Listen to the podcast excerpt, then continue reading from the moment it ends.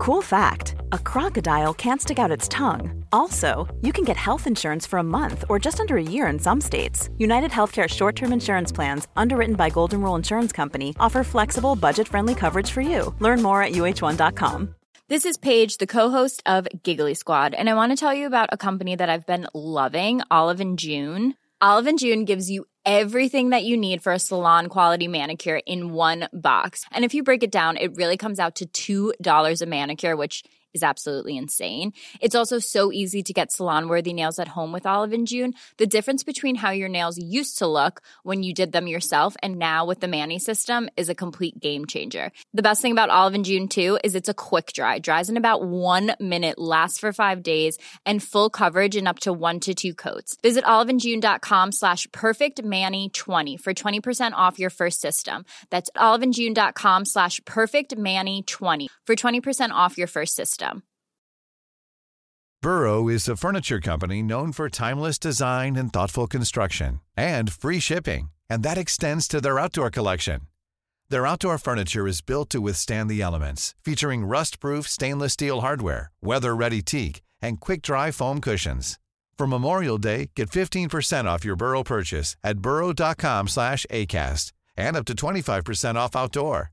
That's up to 25% off outdoor furniture at burrow.com slash ACAST. I can discuss some of the psychological aspects of the case. You've got to get a hold of yourself. Now look here, Johnson, I'm going to get to the bottom of this. I can discuss some of the psychological aspects of the case. And you're really crazy, you know that? Oh, yes, I remember that. Is this any concern of yours? Hei, det er psykolog Sondre Livre her. Diagnosen er dessverre svært alvorlig. Det viser seg at alt du tenker og føler er feil. Du må for all del ikke stole på hjernen din, den lyver. Alt du opplever er filtrert via nevroser fra ubevisste avkroker. Hvis du følger nøye med, er det en liten mulighet for at jeg kan hjelpe deg. I'm discussing the I'm discussing the I'm discussing the psychological aspects of the case. Well, I'm just losing my mind, that's all.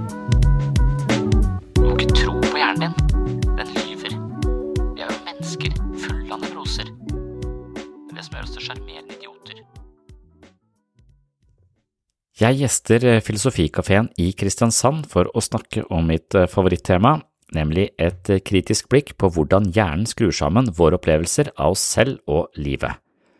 Målet mitt er å få publikum, og deg som hører denne episoden, til å tenke litt annerledes på hvordan vi tenker om det å tenke på å tenke, eller noe i den duren der. Mennesker opplever ikke verden slik den egentlig er, men slik den fremstår for oss.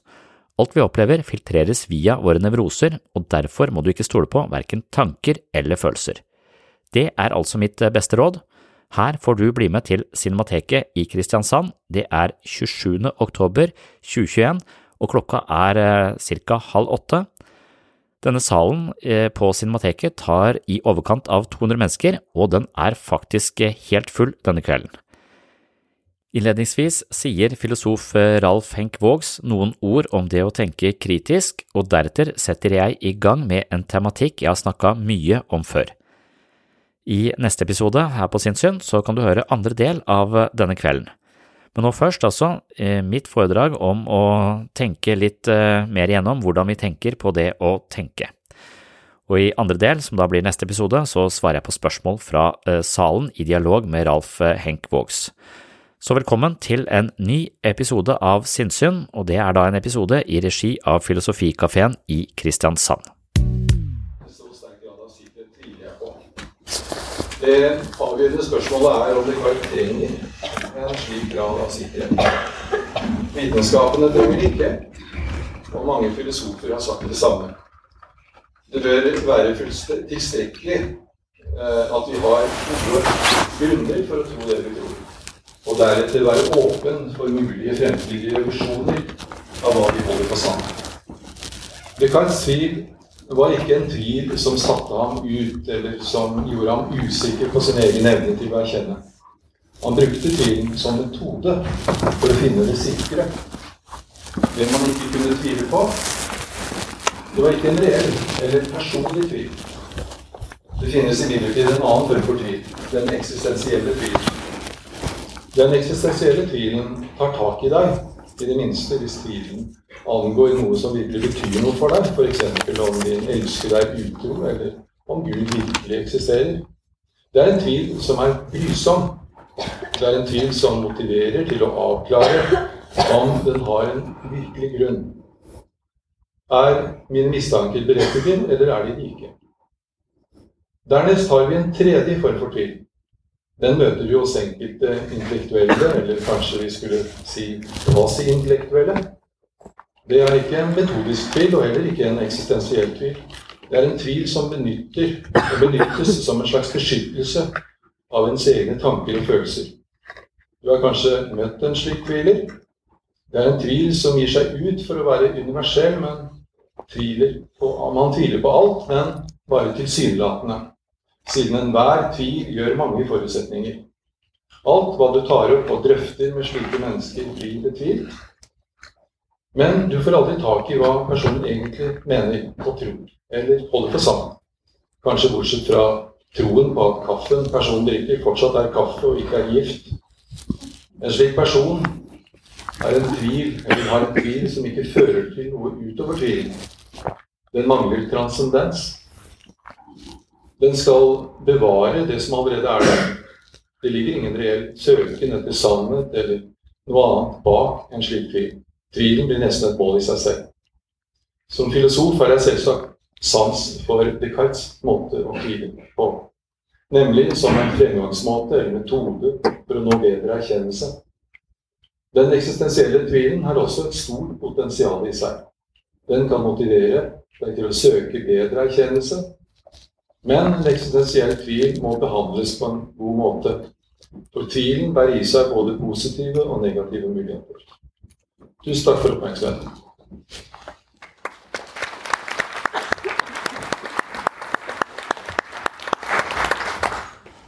Det er veldig stor glede å ønske velkommen her i kveld. Nå sier de som driver dette stedet, at de kan gratulere hverandre. For det, det har aldri vært så fullt her etter korona som det er i kveld.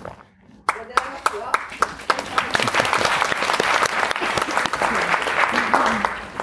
Klart det kan vi sikkert ta takke Sondre Livre også naturligvis. Jeg skal få lov å introdusere ham litt før han får ordet, og har det de neste 45-50 minuttene. Eh, Vi er veldig heldige her. Nå har vi tenkt i høst at vi skal bruke lokale krefter her. Og vi er, vi er virkelig privilegert her i denne byen som har eh, sånn Sondre og Relland som var rett i våre næromgivelser. Det, det er et veldig privilegium. Og Sondre Lure er altså psykolog med spesialisering i klinisk voksensykologi. Det som jeg forbinder, og de fleste kanskje forbinder med det, det er at du gjør psykologien veldig tilgjengelig. I veldig stor grad gjør uh, psykologien tilgjengelig. Både gjennom webpsykologen og gjennom psykolog.com og podkaster og ting du legger ut på YouTube. Uh, så det med den tilgjengeligheten tenker jeg også er en veldig sånn side vi blir merket i dag når han skal ha sitt tema, som dere sikkert har lest, og som handler om at alt du tenker og føler, er feil. Et provoserende tema. Veldig gøy å høre hva det kommer til å si. Men det vi i Filosofikafeen syns er veldig fint, og som jeg ser når jeg leser litt på dine sider, det er at du, blir opptatt av også psykologi og filosofi. Og det at noen tar seg bryet med å utbygge den broa mellom de fagfeltene, tenker jeg er veldig interessant og veldig etterlengta også for oss i Filosofikafeen. En veldig sånn fin bro, tenker jeg, som, som kan nå mange av oss. Og så måtte jeg jo lese litt hva du har skrevet og sagt og alt sammen. Og der fant jeg et sitat som jeg syns passer veldig godt for det vi skal gjøre her sammen i kveld. Du skriver et sted at vi mangler en arena for kultivering av eksistensielle behov. Og jeg tenker det å, å, ha et sånt fokus det er egentlig det vi har når vi møtes her på Filosofikafeen. Så sier du også eh, et sted at vi utvikler oss når vi makter å føle mer. Og Det er et ganske spennende utsagn å se opp på det som er kveldens tema. Dette med at eh, alt vi føler og tenker, er feil, som du sier. Så jeg er veldig spent på, på fortsettelsen. Så vær så god.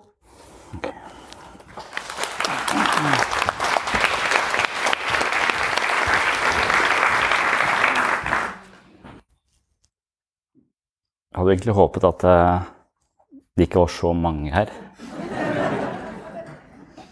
Og så har jeg jo denne ubehagen når jeg møter sånne som dukker opp på filosofikafé, for jo tenker at de er litt smartere enn gjennomsnittet.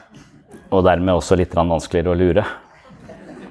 Så jeg tilhører kanskje den kvasiintellektuelle kategorien han snakket om, som eh, tviler bare på faen. Eh, jeg vet ikke. Det, det, får vi, det, får vi, se. Eh, jeg skal i hvert fall prøve å lure det til å tro at jeg vet noe om, eh, om psykologi, i hvert fall. Og kanskje litt om broen mellom filosofi og psykologi. Og overskriftene 'Alt jeg tenker og føler er feil'. Altså, det er det jo Det er det sikkert mange som har tenkt, da, men akkurat den setningen tror jeg jeg har tenkt selv. Og siden alt jeg tenker og føler er feil, så, så er den setningen også feil, selvfølgelig. Så vi kan egentlig se bort ifra den, den setningen sånn helt med en gang. For det, det sier seg jo selv, den setningen faller jo på sin egen urimelighet. Men eh, jeg bruker den veldig ofte, jeg sier det veldig ofte til eh, pasienter. Og så sier jeg det veldig ofte til meg selv. Og det er fordi eh, jeg ofte tror at jeg har rett. Og når jeg tror at jeg har rett, så syns jeg andre er noen idioter. Og når jeg syns at andre er noen idioter, så er jeg en dårlig variant av meg selv. Særlig når jeg syns barna mine er dumme. Og dermed så prøver jeg å gå noen runder til ved å anta at det er noe med resonneringa mi nå som ikke er helt uh, på stell. Og så tenker jeg at jeg bruker det som, en, eh, som noe jeg sier nesten til alle mennesker jeg møter i, i første møte. Eh, de kommer for å få hjelp i psykisk helsevern. De har kanskje vært deprimerte, de har kanskje angst. Eh, noen ryker uklare med folk. Vi kaller det personlighetsforstyrrelse. Det veit du om du har hvis du, hvis du ofte møter idioter.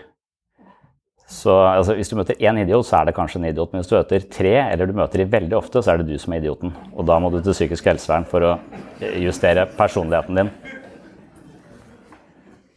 Når jeg sier det da til folk i første setning om at alt du tenker og føler, er jo feil eh, Egentlig ja, litt for det å provosere, men også for å på en måte installere en slags, slags idé om at eh, alt det som foregår inni hodet vårt, det er i hvert fall ikke noe vi kan ta helt for god fisk. For mange av de som kommer til meg, de tror jo at de er langt mindre verdt enn andre mennesker. Det er ofte derfor du kommer dit. Det er veldig sjelden du kommer til psykisk helsevern hvis du tror det er mye bedre enn alle andre. Altså, Trump søker ikke hjelp i psykisk helsevern. De burde ha gjort det, men de gjør det ikke.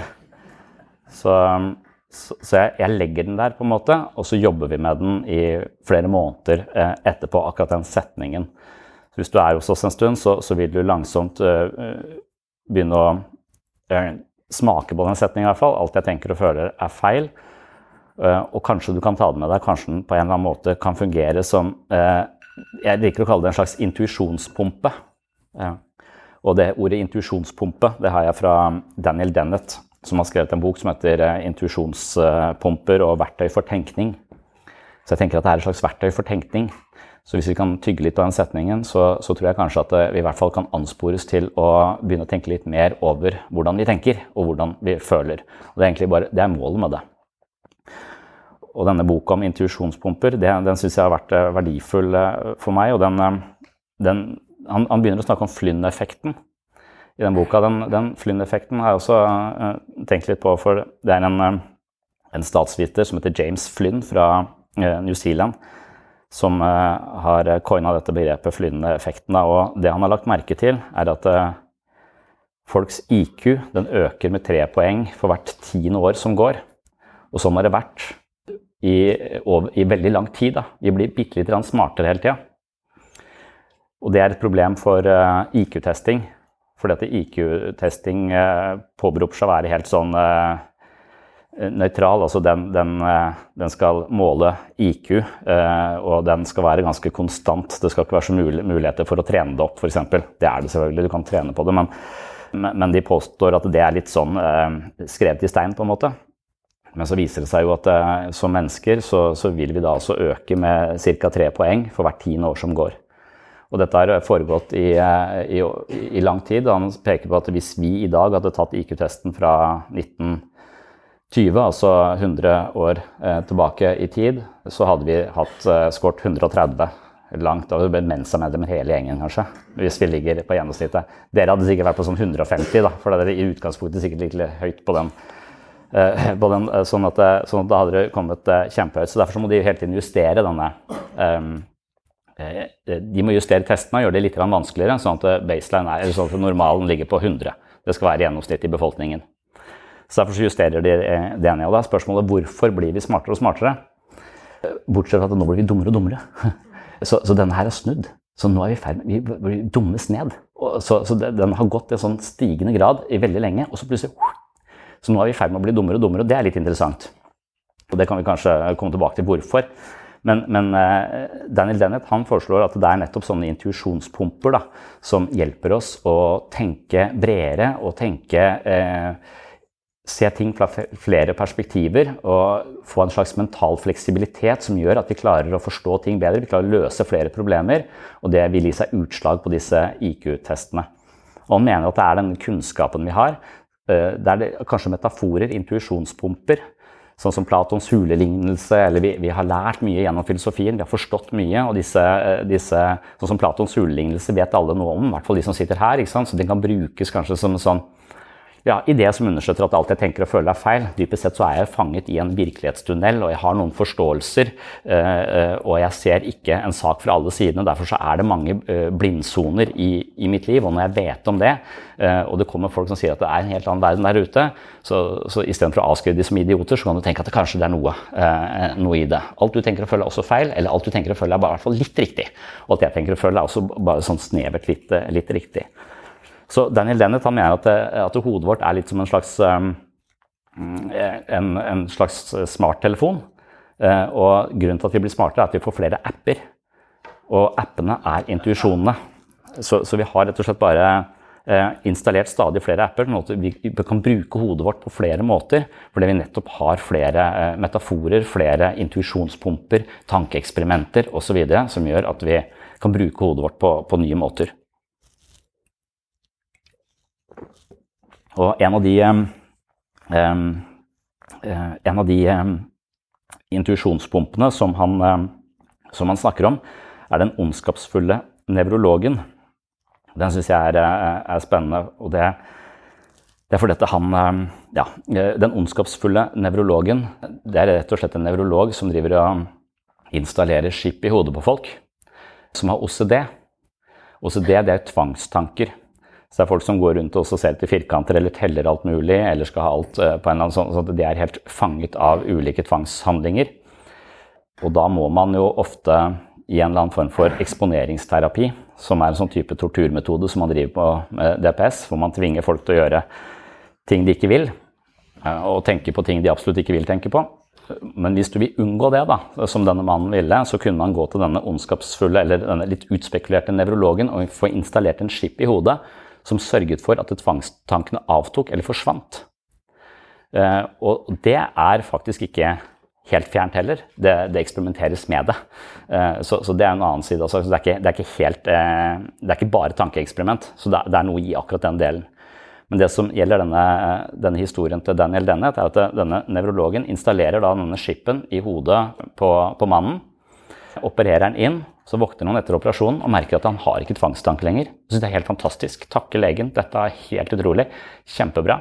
Da fortsetter jeg med, med, livet mitt. Nå kan jeg gå tilbake til jobb og faktisk konsentrere meg om jobben og ikke telle alle firkantene i lokalet hele tiden. For det har, vært, eh, det har tatt all min kapasitet. Og så sier han ja, men du, vent, før du går, så må du bare vite at eh, fra nå av så styrer vi også alle avgjørelsene dine. Det vil du ikke merke, for du vil oppleve at det er du som tar alle valgene.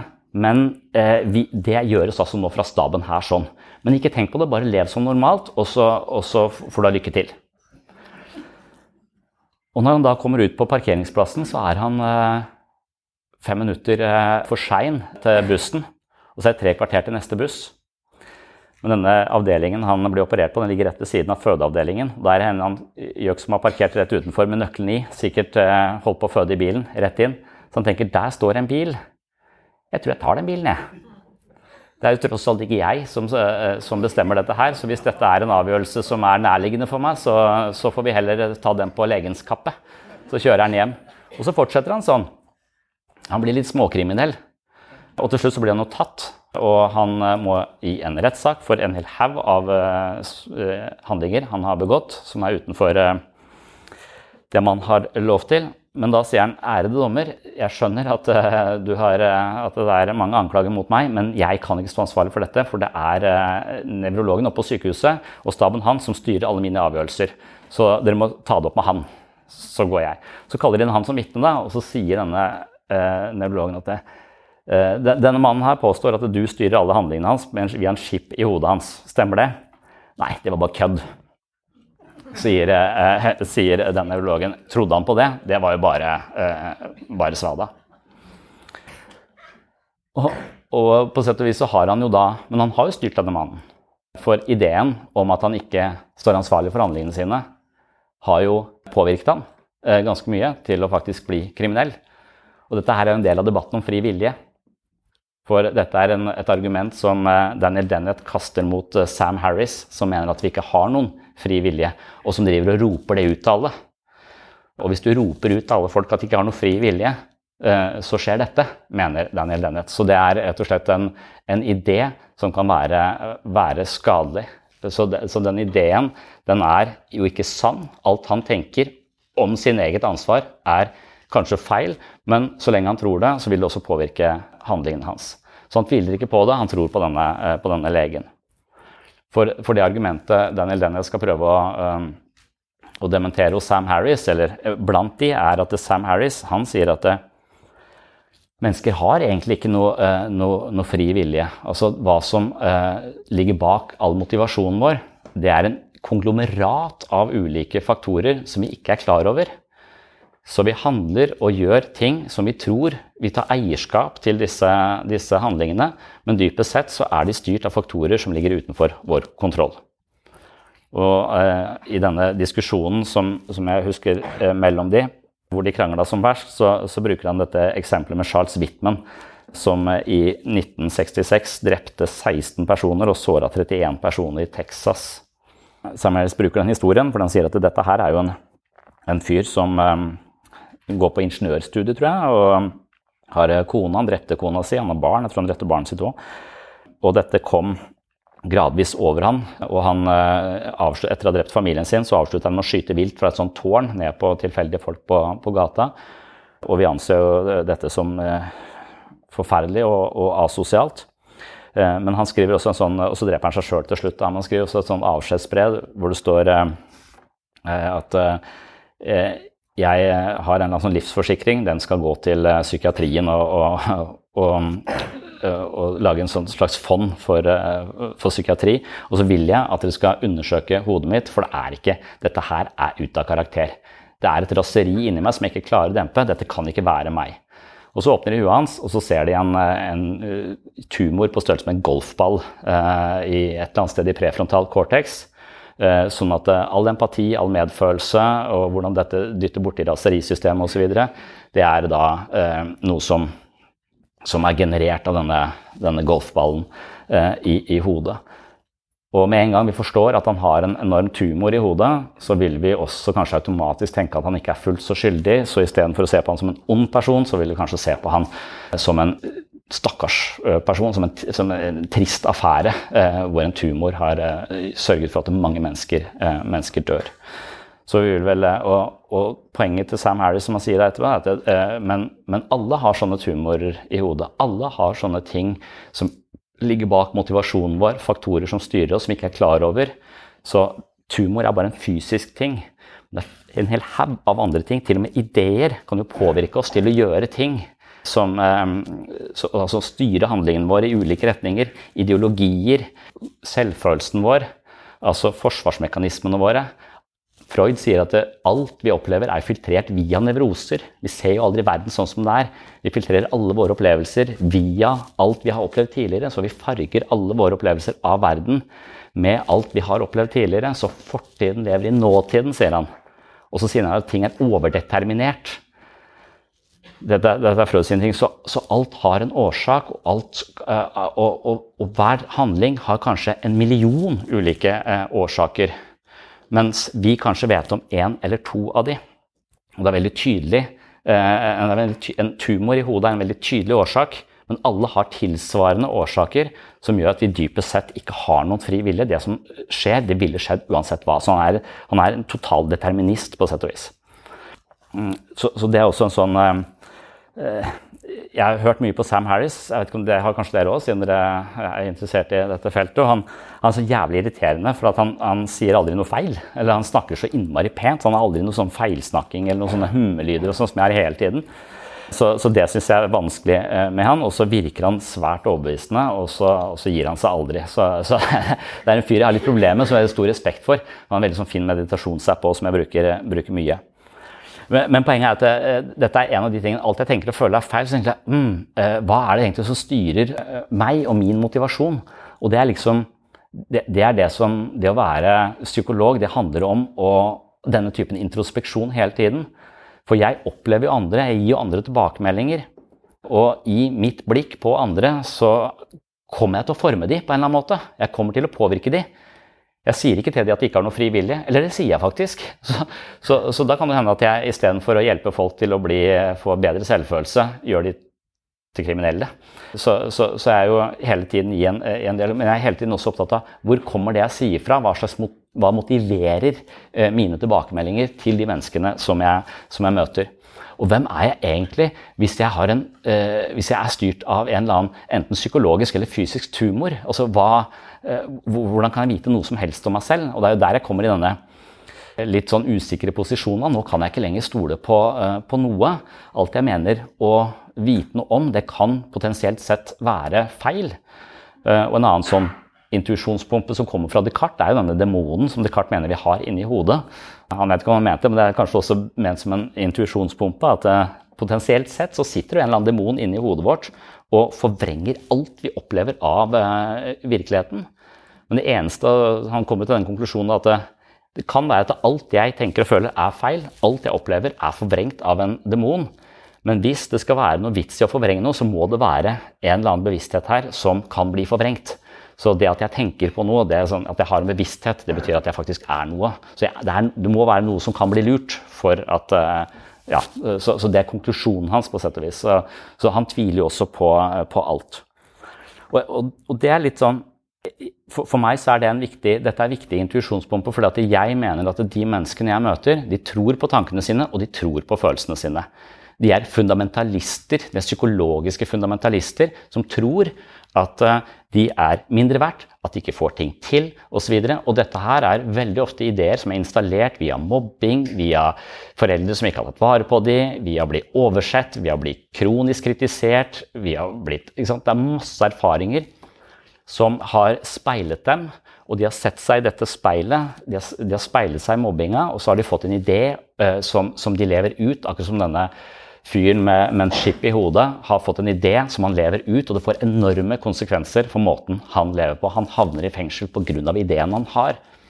Så det å tvile på de ideene, særlig når det er av det kaliberet uh, uh, og den type mennesker som jeg møter, det er svært, svært viktig. Så jeg syns sånne intuisjonspumper som hele tiden får oss til å tvile på hm, Kan jeg ha en tumor i, i, hodet? Kan det være en av tusen årsaker til at jeg handler sånn som, sånn som jeg gjør? Og det viser seg jo, når jeg ser på forskningen, så viser det at hjernen tar imot 11 millioner stimuli per sekund. Og vi er oppmerksom på fire av dem. 11 millioner stimuli per sekund. Og dette, ligger, altså, dette prosesseres et eller annet sted, mens jeg er kun oppmerksom på en bitte liten del av det. Jeg har lest andre steder på sånne metastudier at, at, de mener at vi er opp mot 95% av alt som styrer handlingene, tankene og følelsene våre, er også generert av krefter vi ikke er klar over. Så vi er kun klar over 4% så vi vet vi, vi har en idé om hvorfor vi gjør ting vi gjør, og vi kan forklare det med stor grad av overbevisning. Men så er det da en, sannsynligvis hundrevis av faktorer vi da utelater, ikke vet noe om. Og når jeg da har eh, etter hvert studert psykologi og blitt veldig oppmerksom på dette, så har jeg blitt veldig usikker på meg selv. eller jeg har blitt helt sånn, hva er det som, Hvorfor tenker jeg sånn? Hvorfor gjør jeg sånn? Hva, hva, hva, hva er dette for noe? Og Det er en sånn slags uh, bakenforliggende introspeksjon som jeg, som jeg, går rundt med. Og, og, det, og, av og til så skaper det ganske mye stress. Jeg, eh, blant annet etter at jeg så denne filmen 'Turisten', hvor da jeg begynte for, for alvor å, å, å, lure på, på, meg selv og bli stressa. For, for, jeg har jo noen ideer om hvem jeg er og hvordan jeg fungerer, basert på en del erfaring.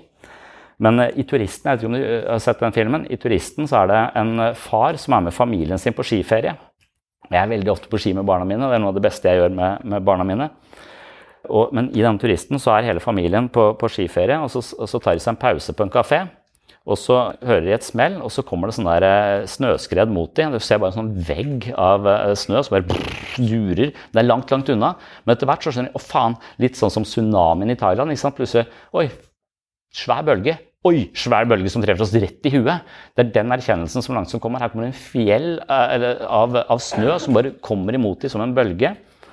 Og etter hvert så skjønner de her er det jo helt krise, vi må stikke av. Og det faren gjør da, er at han tar iPhone og lue og løper. Og der sitter kona og barna. Og så, øh, og så viser det at denne, denne, veggen av snø den stopper rett foran restauranten. Så legger seg sånn lett snølag over barna og kona, så de bare kan riste av seg. To minutter seinere kommer han tilbake.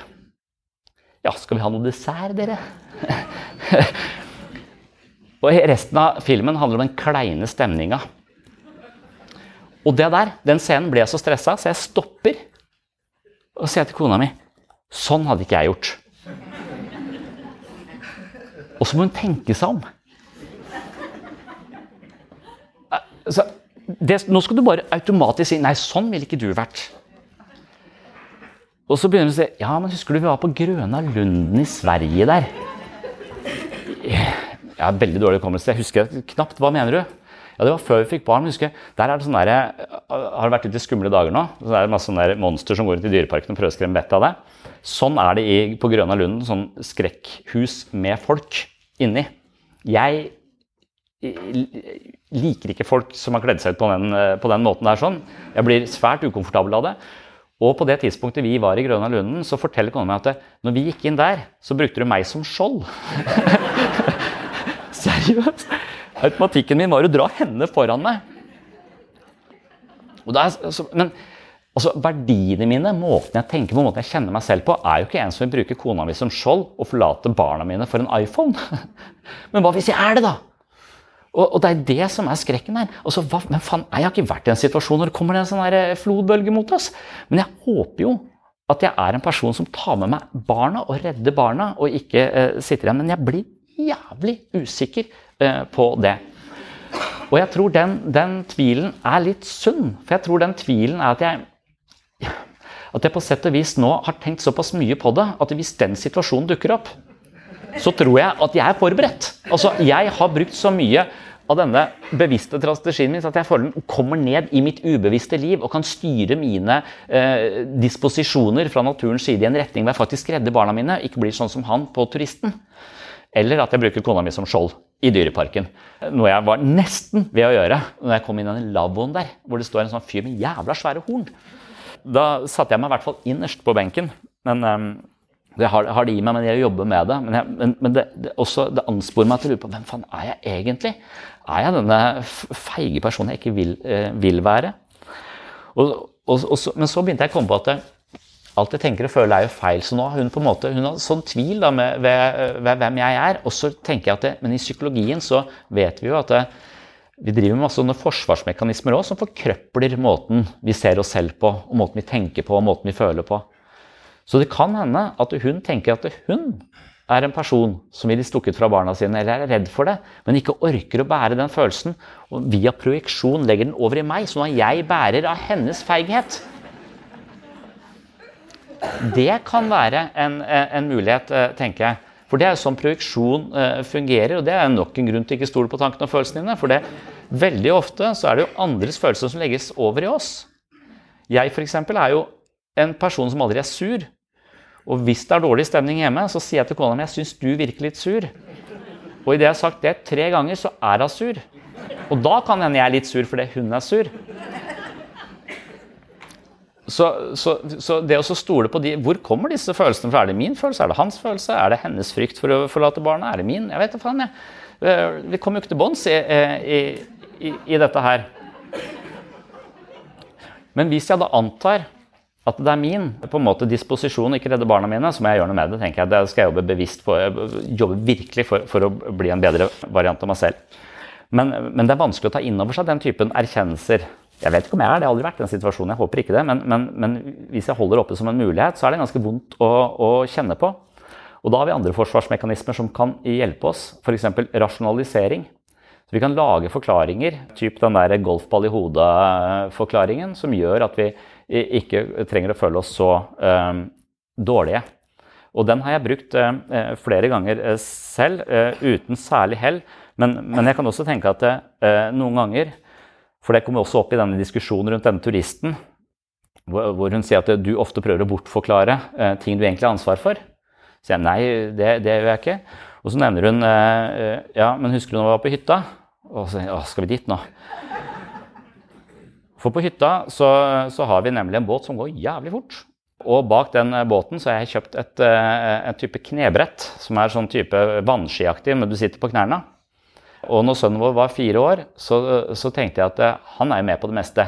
Så vi ser om vi klarer å dra han opp bak den eh, båten der, for eh, han syntes det var gøy. Og han var med. Og, så, og han klarte det jo.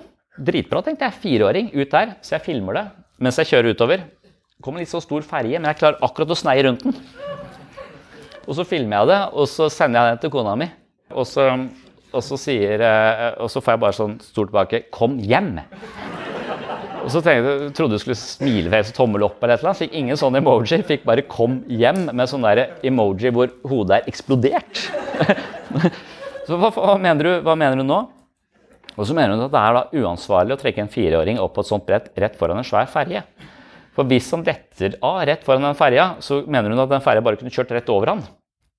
Og når jeg tenker meg om, så er jeg litt enig i det.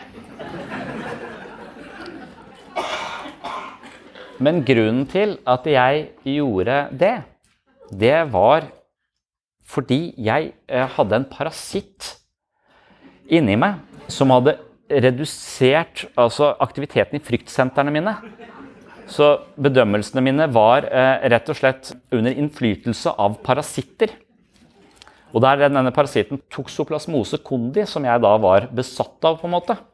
Og dette var min forklaring når jeg skulle forsvare meg mot eh, denne, denne situasjonen med sønnen min. For det jeg hadde lest rett før da om parasittpsykologi, og jeg hadde lest at uh, toksoplasmose er en ganske dum parasitt som egentlig vil inn i katten, men som havner den i alle andre organismer fordi den ikke er uh, flink nok til å komme akkurat dit den skal. Men poenget er at den skal gjennom kattens tarmsystem og kretsløp for å reprodusere seg selv. Men til slutt altså bæsjer katten dette ut. Men for å komme tilbake i katten da, så vil denne toksoplasmosen, altså når det kommer rotter og sånn, og, og, lukter på bæsjen, så vil den gå inn i rotta, komme inn i rotta, for så å gå opp i hjernen på rotta, eller skille ut no, eh, noen proteiner som gjør at fryktsentrene til rotta eller musa blir eh, redusert. sånn at musa tenker at faen, katten er jo musas beste venn. Så istedenfor å gjemme seg når det kommer en katt, så går den litt ut der og, og, og vrir litt på seg, ligger, ligger sånn på, på ryggen i sola, selv om det er en katt rett der. sånn. Da blir den jo spist, da. Så, og da er denne toksoplasmose tilbake der den er. Og så viser det seg at toksoplasmose er jo noe som også er i mennesker. Hvis du ser på folk som har vært i trafikkulykke, så har de ofte den parasitten i seg. Så det er en større sjanse for å havne i trafikkulykke når du har toksoplasmose i deg. Dermed ikke din skyld. Golfball i hodet, toksoplasmose. Dette må vi eh, ta på, eh, på kattens regning. Kjeft på katten, ikke på meg. Det er, for, det er på grunn av at du absolutt skulle hatt katt. Og det er så mange sånne, så, så hva, hvem vet? Kanskje det er masse andre. Så, jeg tror det er sånn 90% av alle organismer på jorda er parasitter som lever på andre. Hva faen er det de gjør? Jeg vet ikke, jeg. Og så kan det være besatt av en haug av ting som styrer uh, atferden min. Kanskje ikke interessert i psykologi i det hele tatt. Kanskje interessert i uh, elektronikk. Jeg, det, det, kan være hva, hva som helst. Så, så, det er også grunn til å tvile at vi kan være uh, på, på, det vi tenker og føler. At det kan, og, og det vi gjør. Det, konklusjonene våre. Det er noe som heter den krokelium dendriticum. Den går i maur. Og den gjør at maur krabber opp på stråene høyt oppe. Det er dumt hvis du har maur, for da blir du spist av uh, kuer og sånn. Så da dauer du jo. Men den, den, parasitten vil inn i kua. Så derfor så får den uh, mauren. Og da lurer jeg på hvordan er det om å liksom, ha en kompis som heter Lars, som er maur, og så plutselig bare så krabber Lars opp på strået, noe som er helt unaturlig for maur å, å, å, gjøre. Er det sånn Øy! Hva, hva, hvordan foregår den samtalen? Og det, det samme med, med, med, gresshopper. Altså, de kan ikke svømme. Derfor så holder de seg unna vann. Men hvis de får en sånn spesiell taglorm inn i magen, så vil den også skille ut noen proteiner opp i hjernen, sånn at gresshoppa får jævlig lyst til å bade. Så I Japan så er det noe vann hvor eh, det, det fisken spiser, er suicidale gresshopper som har drukna seg, eh, sjøl. Det er også noe med den der samtalen du har med disse gresshoppene ned til Hvor skal du hen, Timmy? Ned og bade? Har det klikka helt for deg?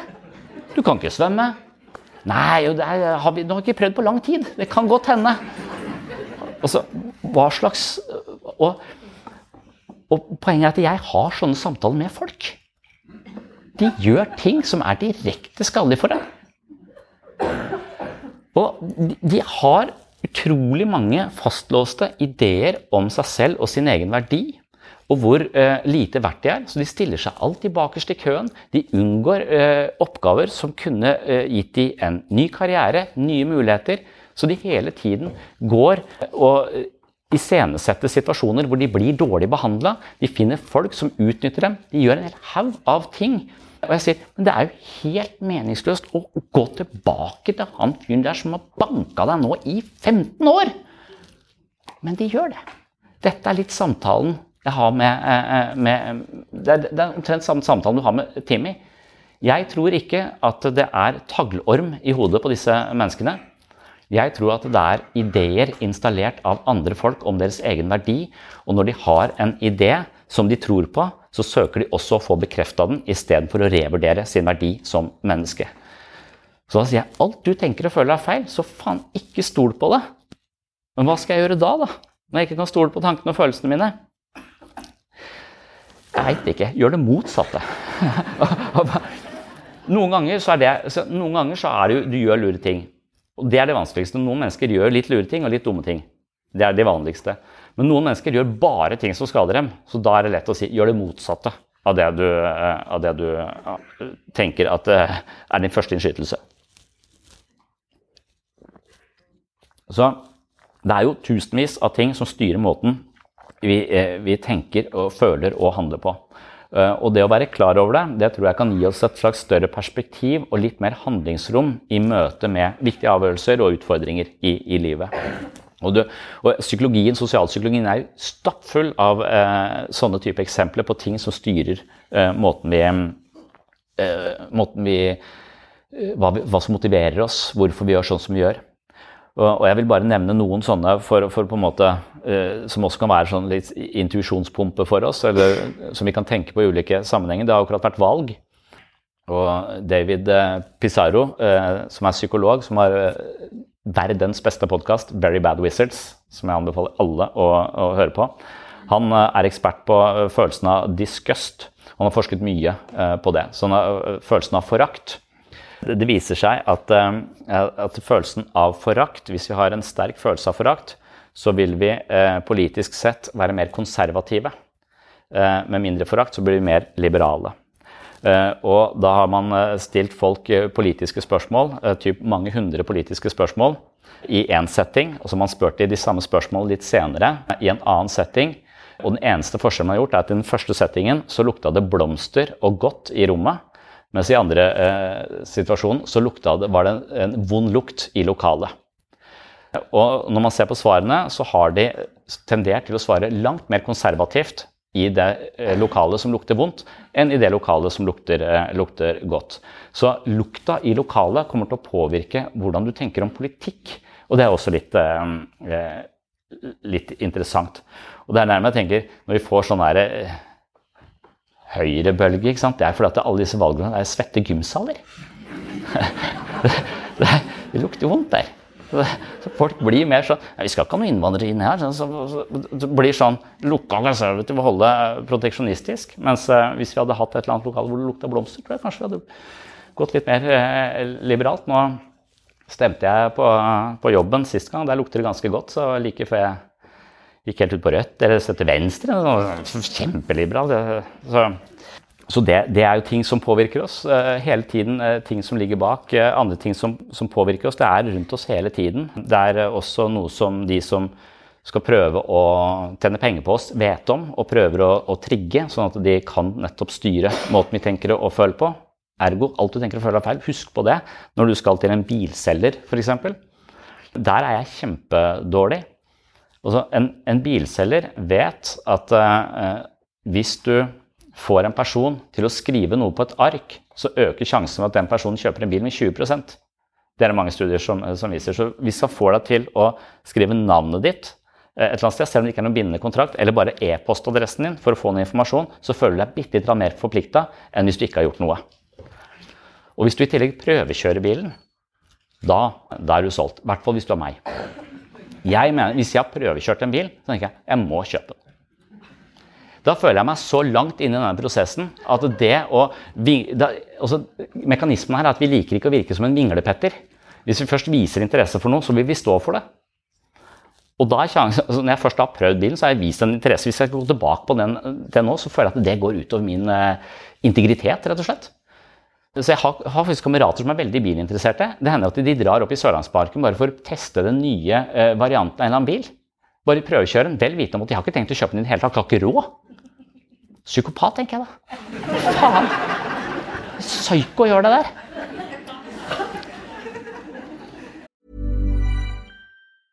This is Paige, the co-host of Giggly Squad, and I want to tell you about a company that I've been loving, Olive and June. Olive and June gives you everything that you need for a salon quality manicure in one box. And if you break it down, it really comes out to $2 a manicure, which is absolutely insane. It's also so easy to get salon worthy nails at home with Olive and June. The difference between how your nails used to look when you did them yourself and now with the Manny system is a complete game changer. The best thing about Olive and June too is it's a quick dry, dries in about one minute, lasts for five days, and full coverage in up to one to two coats. Visit oliveandjune.com slash perfectmanny20 for 20% off your first system. That's oliveandjune.com slash perfectmanny20 for 20% off your first system.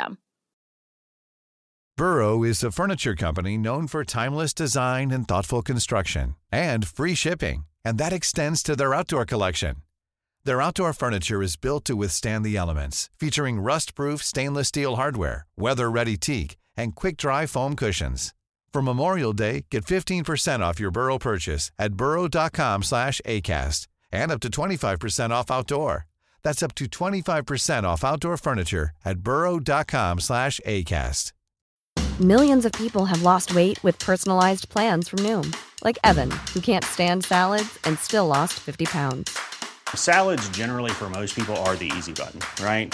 For me, that wasn't an option. I never really was a salad guy. That's just not who I am. But Noom worked for me. Get your personalized plan today at Noom.com. Real Noom user compensated to provide their story. In four weeks, the typical Noom user can expect to lose one to two pounds per week. Individual results may vary.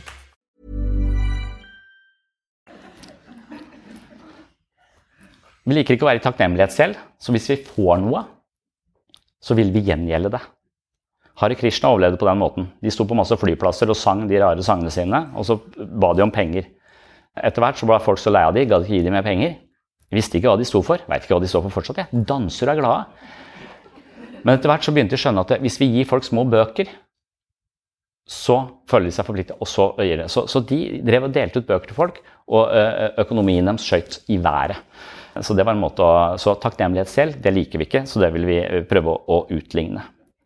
Toys R Us de, de, gjorde det samme med denne eh, ideen om at vi liker, være, vi liker å stå for ting vi har sagt. Så før jul så reklamerer de Nå er Toys R Us lagt ned, da, men det var de som har blitt tatt på dette her. Eh, før jul så reklamerer de med en type leke som alle barna vil ha, og så lover du nærmest barna dine at ja, ja, da setter vi det øverst på ønskelista, og så tenker de at de skal gå og kjøpe det, så går de opp og kjøper det, så er det faen meg utsolgt. Det er bare fordi de har tatt inn tre stykker. Og så, og så må du kjøpe noe annet som er litt dyrere. Fordi at du må kompensere for at nå får de ikke det de egentlig vil ha. Og på nyåret, i januar, så får de inn en haug av de. Og da har du sagt at du skal kjøpe det, så går du opp og kjøper den i januar.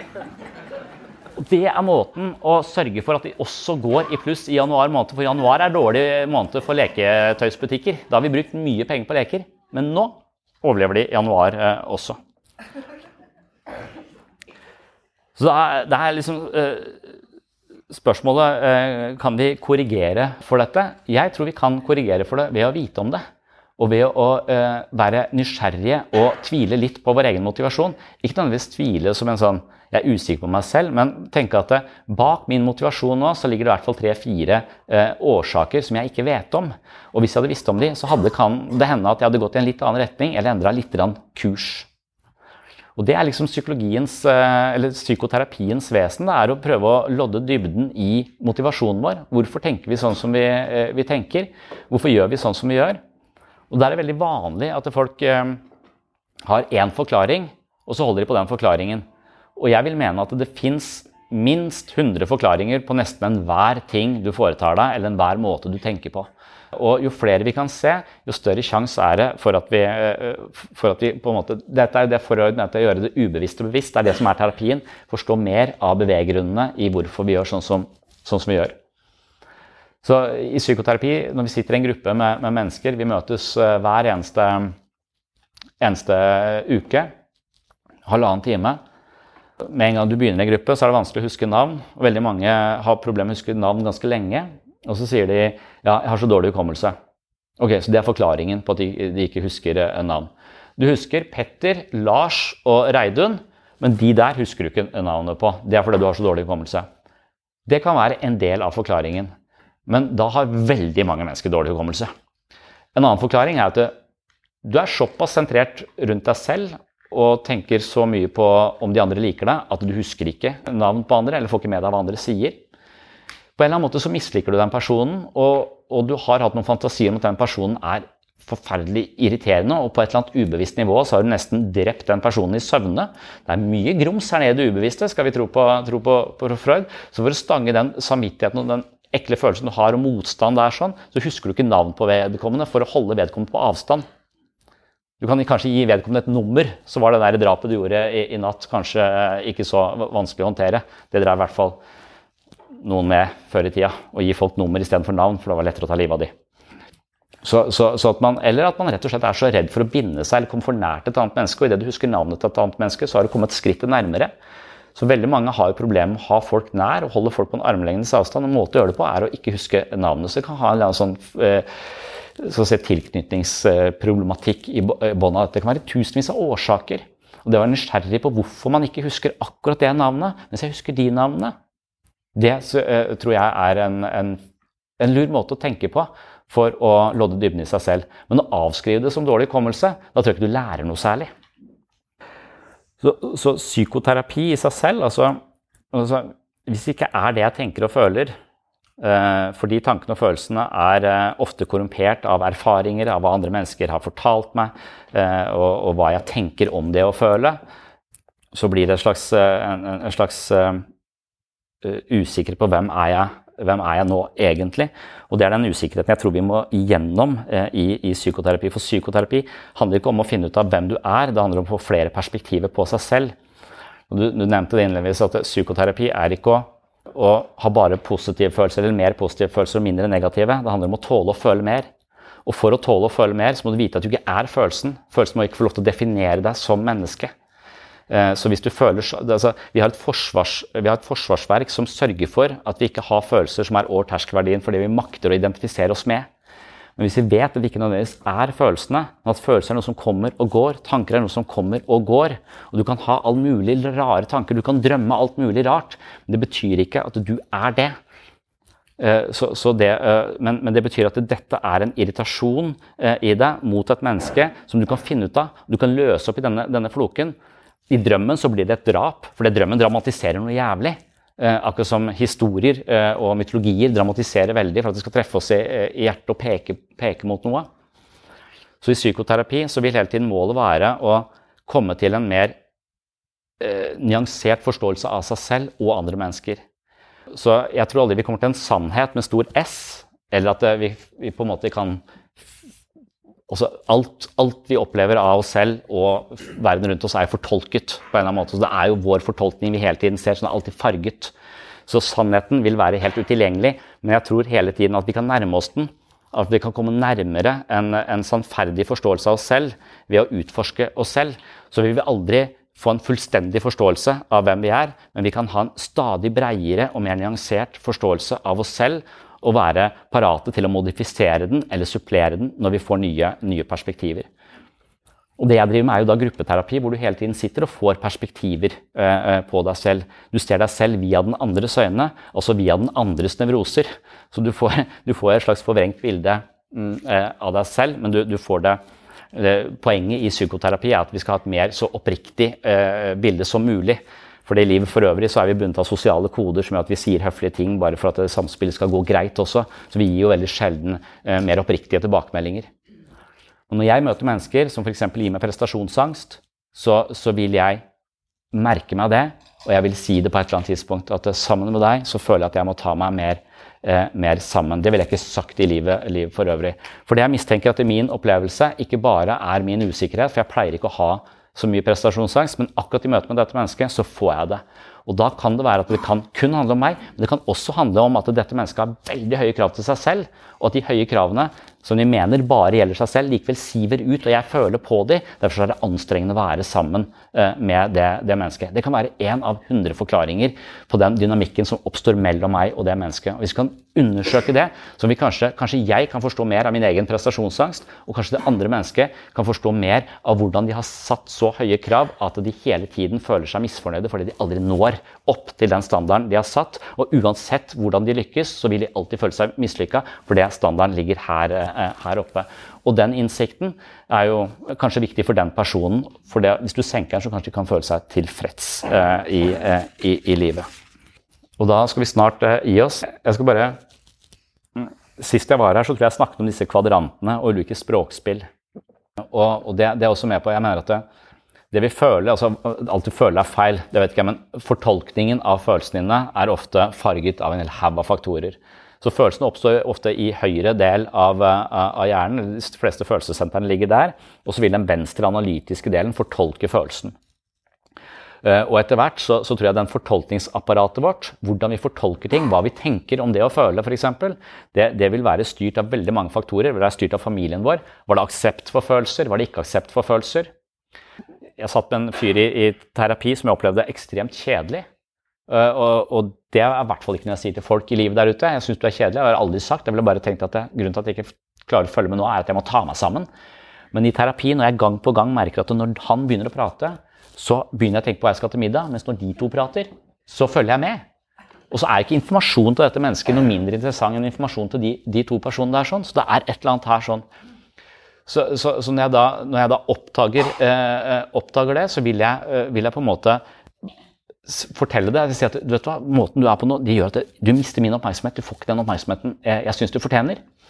Og han sier at det er interessant for meg, for ofte i møter så sitter jeg og sier noe, og så går det ti minutter, sier noe andre det samme, og så henger folk seg på. Som om jeg er litt usynlig, som jeg må kjempe hardere enn andre for å få oppmerksomhet.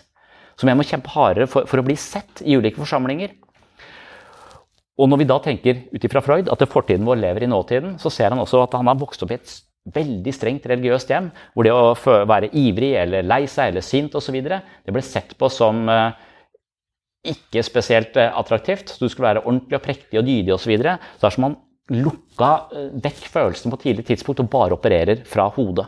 Og når folk bare opererer fra hodet, så tror jeg de skreller vekk 20% av informasjonen. Altså Du får bare informasjonen, men du får ikke hva den personen føler for det. Og når du ikke får hva den føler for det, så vet ikke jeg hva jeg skal føle for det. Du må gi meg noen clues. Veldig interessant hvis vi føler helt forskjellig. Veldig interessant hvis vi føler helt likt, for da er vi litt på samme plattform. Det er via den andres følelser som kommer i kroppsspråk, som kommer i tonefall, gestikulering osv. Det er der vi henger oss på. Hvis det bare kommer her oppe, så er det lett å falle, uh, falle, av. Så hva folk tenker om det å føle, hva slags måte de har lært å uttrykke følelsene på, det spiller en stor rolle for hvordan de lever livet sitt og på livskvalitet. Eh, og det er tusenvis av faktorer som spiller en rolle i, i denne fortolkningen av vårt eget indre liv. Denne analytiske venstre delen av hjernen som driver og setter språk og forstår det vi, eh, det vi, eh, det vi opplever. Og jeg mener at vi kanskje blir dummere Førstrinnsvis pga. sosiale medier og bruk av telefonen. Det tror jeg, Selv om han bruker telefonen som et slags bilde på vårt eget hode, så tror jeg det fucker opp hjernen vår. Det har jeg ikke tid til å snakke om men, men, jeg tror også at vi eh, i psykiatrien mm, har eh, vært så opptatt av et språkspill som hører til i naturvitenskapene, eh, at vi eh, har eh, på en måte lagt en ramme for forståelsen av det å være menneske, ha eksistensielle behov på et eh, klinisk nivå. Og anser det også at vi er, hører til i sykehussystemet, somatikken, naturvitenskapen, medisin. Sånn at den delen av mennesket som faktisk handler om det er jævlig vanskelig å være menneske fordi vi kommer til å dø. Og det må vi ta inn over oss. Og så bruker vi jævlig mye energi på å unngå det. Og unngåelse viser seg å ofte tuppe oss i ræva på et eller annet tidspunkt. Så, uh, så, så, man kan våkne ikke sant? Jeg våkner av og til på natta. Hjertet slår noe inn i helvete fort. Og jeg kaldsvetter. Og jeg tenker fy faen, nå kommer jeg til å dø. Og hvis jeg da går til fastlegen, sier han det er panikkangst. Her får du noen medisiner, og så må du gå i behandling på ditt eget TPS. Og så må jeg finne ut av hva, hva er jeg redd for. Skal jeg prøve? Altså, dette er noe feil med meg. Dette er et symptom som skal repareres i medisinsk, en medisinsk sjargong. Hvis du hadde spurt Kirkegård, så hadde han sagt det der er en tjene ånd som hjemsøker deg på natta og tvinger deg til å ransake sjelen din.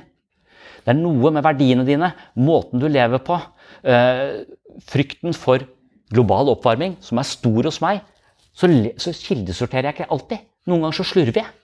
Så jeg lever, jeg er jævlig redd for at planeten går til helvete, og så lever jeg på en måte som bare er bruk og kast. Så det er en stor spagat i meg en, som, som, skaper en slags eksistensielt dilemma. Som jeg å, altså En kognitiv dissonans som jeg bare prøver å unngå. Det dukker opp midt på natta. Det kan være det. Så istedenfor å tenke på dette som et symptom som jeg må ha vekk, tenk på det som et signal på at her er du nødt til å gå litt dypere. Her er du nødt til å undersøke noe mer.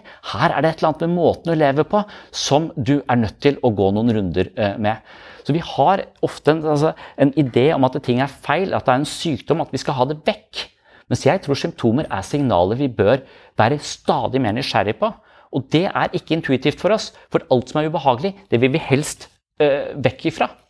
Og her vil eh, et mer sånn mytologisk, en mer sånn kunstnerisk språk kunne hjulpet psykiatrien og gjort det mer Altså, det er ikke en sykdom å, å ryke uklar med folk eller eh, synes det være ubehagelig med folk. Før så kalte vi det sjenert, nå kaller vi det sosial angst. Altså, det er en normalvariasjon her. Det er noe man kan jobbe med, men det er ikke en sykdom.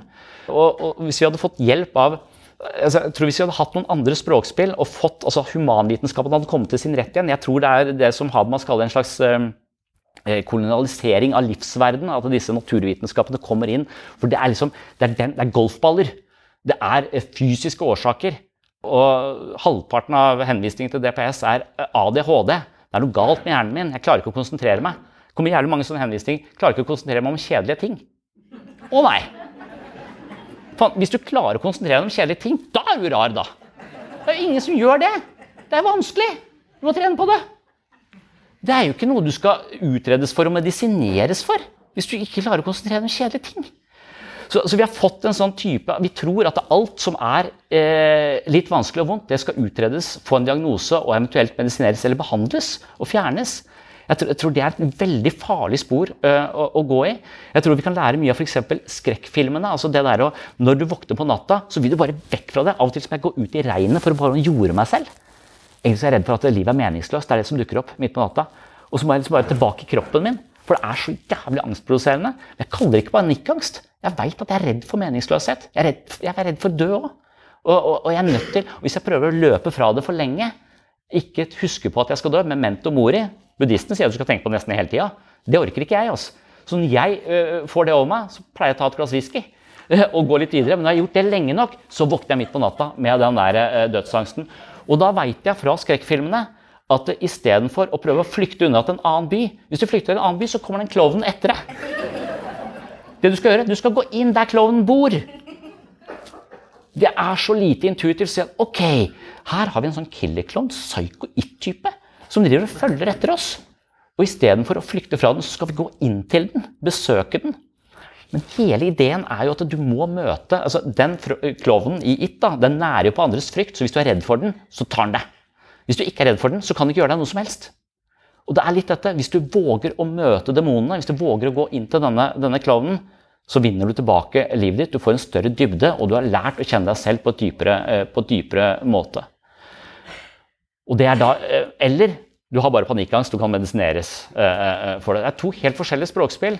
Og jeg mistenker at vi bruker stadig mer sånn klinisk språk i hverdagspraten vår. Som deppa, jeg angster osv. At den kliniske sjargongen og forståelsen har gjort at vi, vi langt på vei tenker at alt det faenskapet som er å leve, alle de problemene vi skal løse og forsere, denne skrekkfilmen vi skal leve, som er innholdet i livet vårt, det eh, er sykt eller feil og må skal repareres. Altså, det er litt, som sånn, Odyssevs reise hadde ikke blitt så jævlig gøy hvis han bare snudde. Uh, oi, faen, det viste seg at det var et sjuhoda monster, og en sånn er det annet monster på andre sida Karybdis. Jeg bare snudde og dro hjem igjen. Altså, hva, det hadde ikke blitt noen fortelling, det er ikke et liv. Det er å forsere disse hindrene, møte disse sjuhoda monstrene, som i vårt tilfelle ofte ikke er et sjuhoda monster, men Nav. og hvis du unngår det for lenge, så, eh, så vil du få alvorlige eh, symptomer. Men da kan du bare medisinere det bort, og livet blir sånn flatt, og så dør du. Uten å få denne livets, eh, livets reise.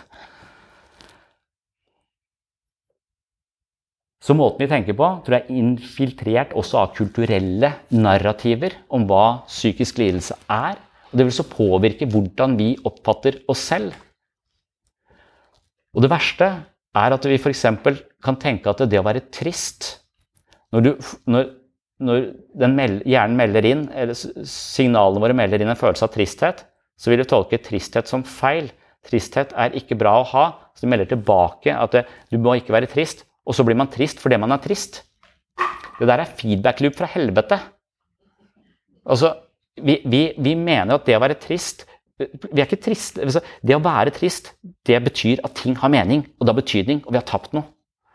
Men når vi er triste for det vi er triste, så blir det depresjon. Det blir noe vi låser fast. Vi tillater ikke eh, den, eh, den, den følelsen. Den måten vi tenker og forstår psykisk helse på vårt eget indre liv, måten vi tenker og føler på, når den er eh, rammet inn på rigide måter, så går vi glipp av veldig mye. Så med alt du tenker og føler er feil, så vil jeg bare at folk skal begynne å tenke på generere flere ulike perspektiver. på Hvordan skal jeg forstå dette? Måten jeg blei på Nå ble jeg litt for sint på barna. Hvordan skal jeg forstå dette? Er det, er det uh, toksoplasmose? Er det en golfball i hodet? Er det fordi jeg jobba så mye? Er det fordi jeg sover for lite? Er det fordi jeg ikke har, uh, har spist før jeg kom, uh, kom, hjem? Er det noe annet som knurrer? Er det, hva, hva, er det? å finne mange årsaker. Det er ikke én årsak til et, et, en utfordring i livet. Altså, jeg møter, vi skal diagnostisere folk, vi skal gi dem merkelapper. Jeg møter to mennesker samme dag. Du får diagnosen, du har scoret her sånn, deprimert. Samme her. Dystemi, dystemi, depresjon, langvarig. Og så er det 1000 årsaker til at den personen ble deprimert, og så er det 1000 andre årsaker andre årsaker til at den personen ble deprimert. De har likevel samme diagnose. To helt forskjellige liv. Skal, de, skal begge de ha samtalebehandling? Jeg vet ikke. Altså, den personen som er deprimert her, hvis jeg spør han om hva som har skjedd bak her, så sier jeg Foreldrene mine gikk fra hverandre. Jeg ble igjen hos mamma. Hun drakk. De mobba meg på skolen. Jeg har alltid eh, følt at jeg er, eh, kommer til kort. Det er depresjonen her sånn. Kanskje du skal gå og jobbe litt med eh, i terapi og forstå deg selv i selvbildet. Men denne personen satte seg fast i World of Warcraft i 2015 og våkna seks-syv år seinere. Livet har gått forbi meg. Det er en helt annen depresjon. Hadde veldig fint gjennom oppveksten. Har ikke noe spesielt lav selvfølelse, men ble uh, satt fast av en eller annen algoritme som en eller annen utspekulert fyr i Silicon Valley har laget. Så fanga oppmerksomheten din, og så ble du borte uh, på internett i seks år og fant ut at en jævlig bra, bra, karakter i dette spillet, men din karakter den hadde du ikke stimulert så mye på, på en stund. Det er en helt annen depresjon. Du skal ikke psykoterapi her sånn. Du skal begynne å leve. Du skal begynne å trene. Du skal ut, møte folk. Studere noe, lese en bok. Og begge to har jo den samme diagnosen. Men det er helt forskjellige årsaker. Og jo flere årsaker vi kan stå, forstå, jo mer dybde kan vi se i ting, og flere, mer handlingsrom har vi. Så alt du tenker og føler, ikke, ikke lås deg fast i én forklaring på hvorfor du har det sånn som du har det. Se, møt det med nysgjerrighet, og, og, og, se om du kan finne stadig flere eh, forklaringer. Og hvorvidt du tror på dem. Altså, jeg tenker, Det er ikke sant eller falskt. Jeg pleier ofte å vurdere det jeg tenker om meg selv på en skala på, så, Dette tror jeg på 20 Når jeg forklarer at jeg tar med sønnen min ut uh, bak en båt, og fordi det er at jeg har toksoplasmose, så tror jeg på det 1% men jeg orker ikke ta inn over meg følelsen av å uh, være en hensyn, sånn, litt sånn hensynsløs, uh, uvøren pappa. Så for å beskytte meg selv mot den følelsen og ta inn over meg det, uh, så, så, lager jeg en forklaring, har et forsvarssystem som rasjonaliserer ting og forklarer ting vekk, så jeg slipper ansvaret for det. Og jeg låser meg inn i en trang forståelse av meg selv, og det ødelegger relasjonene mine, og det ødelegger forholdet til meg selv, for jeg er utro mot meg selv. Jeg våger ikke å se på dette, jeg våger ikke ta inn over meg. Og hvis jeg kan ta det inn over meg, så eier jeg det, jeg kan se det, og da er sjansen for at jeg ikke kjører på sånn eh, kneeboard bak en ferge igjen, ganske stor. Ja.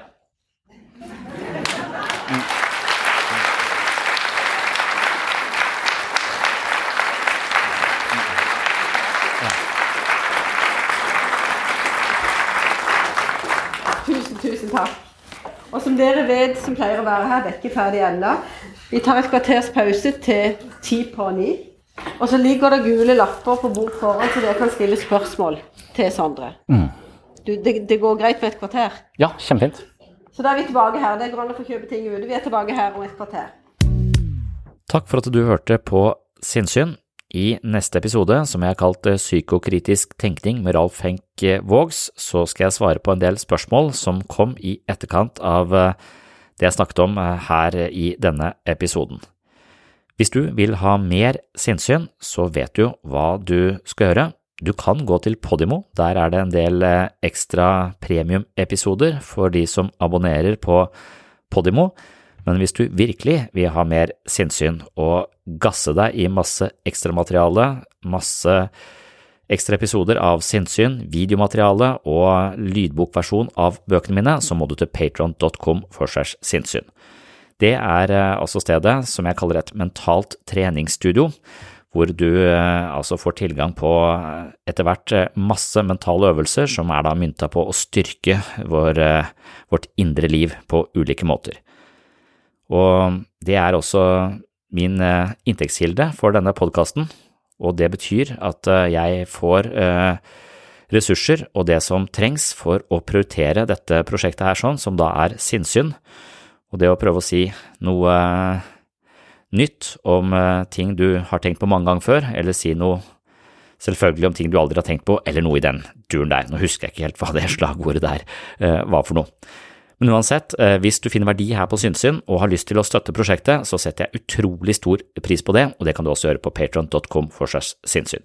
Tusen hjertelig takk til alle dere som allerede er Patron-supportere. Det er lyttere som dere som sørger for at lyset er på her inne på Sinnsyn hver eneste uke, så det er jeg bare så utrolig takknemlig for. Det var det for eh, denne gang. Eh, heng med i neste episode her på Sinnsyn, så får du med deg andre del av dette arrangementet, og det blir jo litt mer originalt da, det er mer sånn freestyle svar på spørsmål fra publikum i dialog med denne filosofen fra Universitetet i Agder. Så det synes jeg også var en spennende sekvens, så stay tuned og følg med på feeden din sånn at du får med deg neste episode. Oh, I'm just losing my mind, that's all.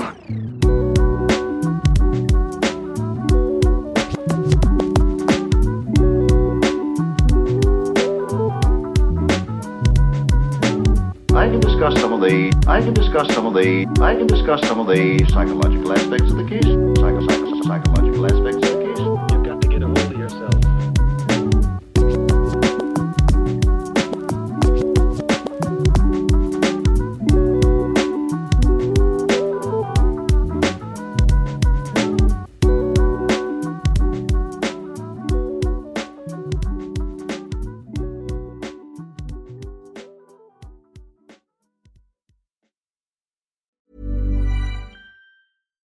Hi, I'm Daniel, founder of Pretty Litter. Cats and cat owners deserve better than any old fashioned litter. That's why I teamed up with scientists and veterinarians to create Pretty Litter. Its innovative crystal formula has superior odor control and weighs up to 80% less than clay litter. Pretty Litter even monitors health by changing colors to help detect early signs of potential illness. It's the world's smartest kitty litter.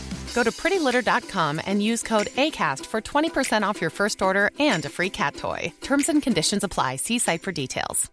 A lot can happen in the next three years. Like a chatbot may be your new best friend. But what won't change? Needing health insurance. United Healthcare Tri Term Medical Plans are available for these changing times. Underwritten by Golden Rule Insurance Company, they offer budget friendly, flexible coverage for people who are in between jobs or missed open enrollment. The plans last nearly three years in some states, with access to a nationwide network of doctors and hospitals. So, for whatever tomorrow brings, United Healthcare Tri Term Medical Plans may be for you. Learn more at uh1.com. Mom deserves the best, and there's no better place to shop for Mother's Day than Whole Foods Market. They're your destination for unbeatable savings, from premium gifts to show-stopping flowers and irresistible desserts. Start by saving 33% with Prime on all body care and candles. Then get a 15-stem bunch of tulips for just $9.99 each with Prime. Round out Mom's menu with festive rosé, irresistible berry chantilly cake, and more special treats. Come celebrate Mother's Day at Whole Foods Market.